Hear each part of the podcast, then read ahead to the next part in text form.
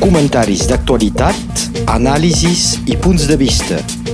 La crònica d'opinió amb el professor Joan Becat. Joan Becat, molt bon dia. Bon dia. La setmana passada fèiem un petit resum del que havia estat l'any 2019 a Catalunya Sud, a l'estat espanyol. Farem el mateix ara aquí a Catalunya Nord. Efectivament, com passa gairebé cada any, a Catalunya Nord, el 2019, ha estat marcat pels mateixos temes que van sacsejar França. La sola originalitat, aquesta ben contrastada, va ser el moviment de solidaritat amb els presos polítics i els exiliats catalans, amb manifestacions diverses, els dijous davant del Castellet, iniciatives com el Dinar Groc i la creació de la delegació a Catalunya Nord del Consell de la República. S'ha refermat la presa de posició dels batlles, i encara avui dia, i de 51 senadors francesos a favor de la llibertat dels presos polítics i pel respecte dels drets humans i democràtics. Van ser valents, car a França les reaccions van ser més aviat de suport al govern espanyol. La sentència del Tribunal de Justícia Europeu de Luxemburg els hi va donar la raó, mostrant que s'havien vulnerat els drets personals i polítics d'Oriol Junqueras i, per tant, que el Tribunal Suprem espanyol havia fet un judici injust. A l'octubre, les protestes contra la sentència, que condemnava, recordi, els nou inculpats a un total més que disproporcionat de 100 anys de presó, se va estendre a Catalunya Nord amb el bloqueig durant un dia de l'autoruta al Pertús, conjuntament per gent del sud i del nord. Una altra vegada, en aquesta ocasió, s'ha vist el valor i la dignitat dels batlles de Catalunya Nord. En aquest cas, del de Prats de Molló, Claudi Ferrer, que, amb la faixa tricolor, se va interposar i va negociar amb la policia. Se va poder veure la diferència en aquest moment entre els dos estats i la poca consideració d'Espanya pels drets humans i col·lectius.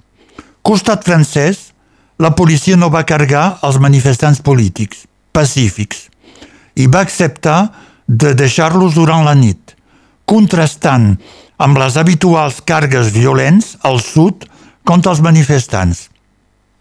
Els que van ser manifestants detinguts al nord han passat davant del jutge, s'han quedat en llibertat i tindran una multa modesta. Al sud, els manifestants detinguts són en presó preventiva i qualificats de terroristes. No fan faltes comentaris. Spain és diferent. I una mirada també sobre el que ha estat l'actualitat a l'estat francès. Sí, el 2019 l'any ha estat marcat per dues crisis socials, la de les armilles grogues i la de la reforma de les jubilacions, de les retretes. De les armilles grogues se'n quedarà el record d'una gran febrada socials dels perjudicats pel sistema de creixement territorial i urbà i d'una classe mitjana pressionada i amb menys perspectives. La crisi ha durat molts mesos i s'ha caracteritzat pel petit nombre de manifestants, que, per exemple, a París anava d'alguns milers a 10.000, per la violència urbana dissabte rere dissabte, i per reivindicacions diverses i sense prioritats, que derivaven constantment cap a temes nous, que no se podien negociar car no hi havia ni representants ni coordinació del moviment, que va anar minvant. La represa a mans del president Emmanuel Macron contra qui anava la revolta, que tenia un contingut polític tant, si no més fort que social, se va fer durant la primavera, amb consultes, debats, quaderns de queixa. Va ser l'ocasió que el president s'adoni del paper fonamental dels batlles. El fet de no ser ell mateix un elegit l'havia portat a negligir els cossos intermediaris, és a dir, els sindicats i els elegits locals i regionals. Ha descobert llur paper fonamental dins una democràcia. En efecte, els sindicats porten i canalitzen els moviments laborals i socials i són interlocutors per negociar. Els batlles són els receptors dels malestars i de les demandes de la gent i els intermediaris necessaris per conèixer el pols del, país, el pols del país més amunt. Les eleccions europees van marcar el final d'aquesta etapa d'armilles grogues i el retorn al pragmatisme polític. S'ha vist que el moviment de les armilles grogues aprofitava, sobretot, el Rassemblement Nacional, que les candidatures de les armilles grogues mateixes eren un desastre i que els insubmisos de Mélenchon gairebé desapareixien, com també els republicans, i que el partit del president Macron s'ensallia bastant bé. En aquest final de primavera, se podia pensar que aquesta llarga i forta febrada social tancaria els dos anys de reforma a la cosaca del president Macron, que en seguia escaldat i que no faria més reformes. No ha estat el cas, car ha posat immediatament en marxa la reforma més ambiciosa i alhora la més controvertida, la de les jubilacions. Efectivament, ha aixecat protestes, car se tocava a molts privilegis i injustícies i despertava molts egoismes corporatius i un sentiment general d'inseguretat.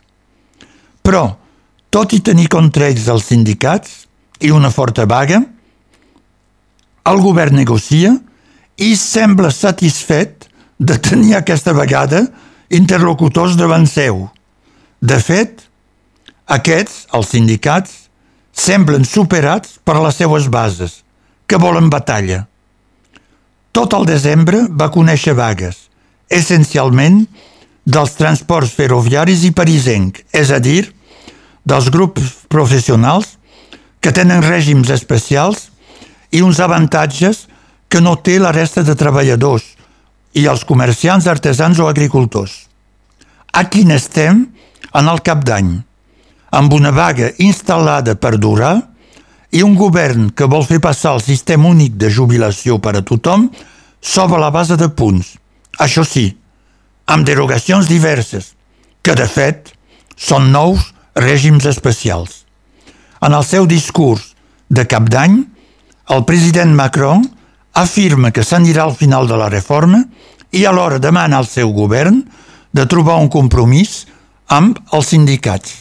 Així hem arribat doncs, a aquests temes que marquen avui l'actualitat a l'estat francès i també aquí a Catalunya Nord. Tornem ara cap a l'estat espanyol i aquestes decisions que ha pres la Junta Electoral Central Espanyola. Sí, que de fet és un intent de cop d'estat, sense força militar però amb la justícia. L'any 2020 ha començat a Catalunya i a Espanya per una setmana moguda, on s'ha arribat a l'hora de veritat – ser o no ser, être o no pas être. Dimecres se tancava un acord entre Esquerra Republicana i el PSOE que permetia a Pedro Sánchez que sigui investit cap de govern amb el suport dels diputats d'Esquerra Republicana que s'abstindrien. És el que passarà avui. L'endemà, l'acord era ratificat pel Consell Nacional d'Esquerra Republicana a una quasi unanimitat. Cal dir que s'havia fet una purga, car, segons sembla, havien expulsat del partit els oposants a l'acord. El pretext d'aquest acord, o si voleu el seu argument, era que l'advocada de l'Estat, al Tribunal Suprem, havia recomanat d'alliberar Oriol Junqueras perquè vagi al Parlament Europeu. Era només un gest, car no assegurava que el Tribunal Suprem amb una majoria designada pel Partit Popular, decideixi en el mateix sentit. Esquerra Republicana ha cregut que calia fer un pas amb poques garanties. Penseu que l'acord de govern entre el PSOE i Podemos se basa sobre, citació, una Espanya fuerte i cohesionada, que ho diu tot, perquè vol dir que no hi ha l'autodeterminació a dins. Efectivament, el text de l'acord PSOE-ERC és ambigu i no podia ser d'altra manera amb Pedro Sánchez. Per exemple, no parla d'autodeterminació. efectivament tampoc no parla de respectar la Constitució. Per tant, tot quedava obert, fins que la Junta Electoral Central decideixi, mitjançant una sentència, de dinamitar aquest acord, o en tot cas, d'aprovar-ho. En relació amb el mes de juliol passat, no hi havia finalment cap canvi. Si mirem bé, a llavors Esquerra Republicana volia un govern Sánchez a canvi de res i ara el vol també, però a canvi d'un acord que no compromet Sánchez a res sinó de parlar. Cal dir que, amb la campanya independentista del tsunami democràtic, Espanya seu i parla, feia difícil refusar el diàleg, encara que sense garantia ni programa de negociació. Esquerra ha fet la jugada. Si l'Estat continuava reprimint, per exemple deixant Oriol Junqueras a la presó, si l'Estat inhabilita de debò el president Torra, si obre noves causes judicials, si el diàleg no desemboca sobre una autodeterminació, sembla segur que Esquerra Republicana en patirà les conseqüències. En el cas invers, serà triomfadora.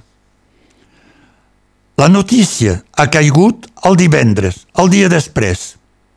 La Junta Electoral Central, la GEC, ha inhabilitat el president Torra i manté Junqueras a la presó. Així, la GEC s'avança a la decisió del Tribunal Suprem i no fa cas a la justícia europea, basant-se sobre el fet que ja havíem senyalat la setmana passada que ara Oriol Junqueras era ja condemnat. Pel que fa a la destitució del president Torra, és un abús de poder, car la GEC és un òrgan administratiu que no és habilitat a prendre decisions que pertoquen a la justícia i al Parlament de Catalunya. En efecte, el president de la Generalitat només pot ser destituït per un vot del Parlament que l'ha designat o per una sentència de justícia ferma. No és el cas, car la primera decisió és en, en recurs, en apel. Una vegada més, a Espanya se salten les seues pròpies lleis. El govern no controla més l'aparell administratiu i judicial que s'ha embogit i que funciona per ell mateix, fora de tota norma.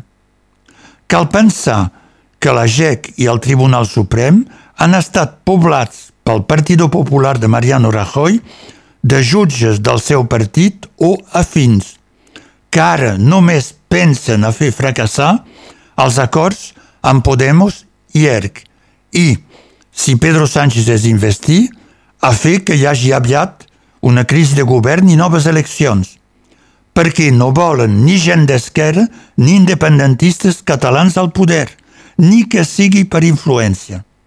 El moment triat per la decisió de la GEC és significatiu. La vigília de la reunió del Parlament espanyol per investir Pedro Sánchez. Si això no és un intent de cop d'estat o de política, ja me direu.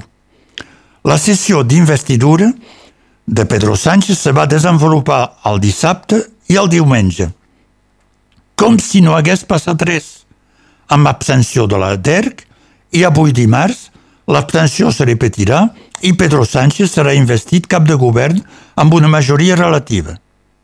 Paral·lelament, s'ha reunit al Parlament de Catalunya que ha votat una moció de suport al president Torra, afirmant que queda president, però sense capacitat de mantenir-lo realment, i per tant és vent. Ara, sobre els dos casos sentenciats per la GEC, tothom és a l'espera de la decisió del Tribunal Suprem, que ha de ser coneguda abans de dilluns vinent, 13 de gener dia de la sessió del Parlament Europeu a Estrasburg. El president del Parlament ja ha donat la seva acreditació a Oriol Junqueras. Això significa que si el Tribunal Suprem el deixa en presó, esdevé no un afer espanyol, sinó del Parlament Europeu contra Espanya i el Tribunal Suprem. A quin estem? Doncs aquest és el tema també que volíem destacar. Avui ens queda molt poc temps, però volem comentar alguna anècdota de la setmana. Sí, tres anècdotes breus a Madrid i a Catalunya. Una de trista i dues de curioses o significatives, com voldreu. Al debat d'investidura de Pedro Sánchez, la intervenció de la portaveu del partit basc Bildu va aixecar una bronca del Partit Popular, de Ciutadanos i de Vox, amb crits d'assassins, de terroristes. La presidenta socialista Meritxell Batet va demanar silenci amb aquestes paraules, aplaudides fins i tot per diputats d'Esquerra Republicana. Va dir «Esta presidència, us ho tradueixo, aquesta presidència té obligació per damunt de qualsevol altra eh, de veure la veu mandatada per la Constitució, pel Tribunal Constitucional i pel Tribunal Europeu de Drets Humans. És de garantitzar la llibertat d'expressió reconeixida, pel nostre text institucional. És inconsciència o cinisme? Perquè és per haver-ho permès que parlin els diputats al Parlament de Catalunya que la presidenta Carme Forcadell compleix 9 anys de presó. Deixar la paraula als diputats. I a Madrid diuen això fem. Les dues altres concerneixen els Reis Mags de l'Orient, que acaben de portar regals als nins i nines de Catalunya.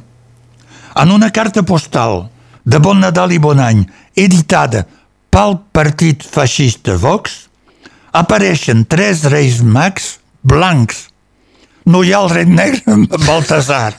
Imagineu si en són de racistes. I a Albesa, un poble petit prop de Lleida, han desfilat dins la cavalcada tres reines mags. No hi ha límits a la igualtat dels sexes. Bé, d'aquí les anècdotes que volíem destacar per acabar aquest espai d'opinió de Joan Becat. Moltes gràcies. Bon dia a totes i a tots. Comentaris d'actualitat, anàlisis i punts de vista. La crònica d'opinió amb el professor Joan Becat.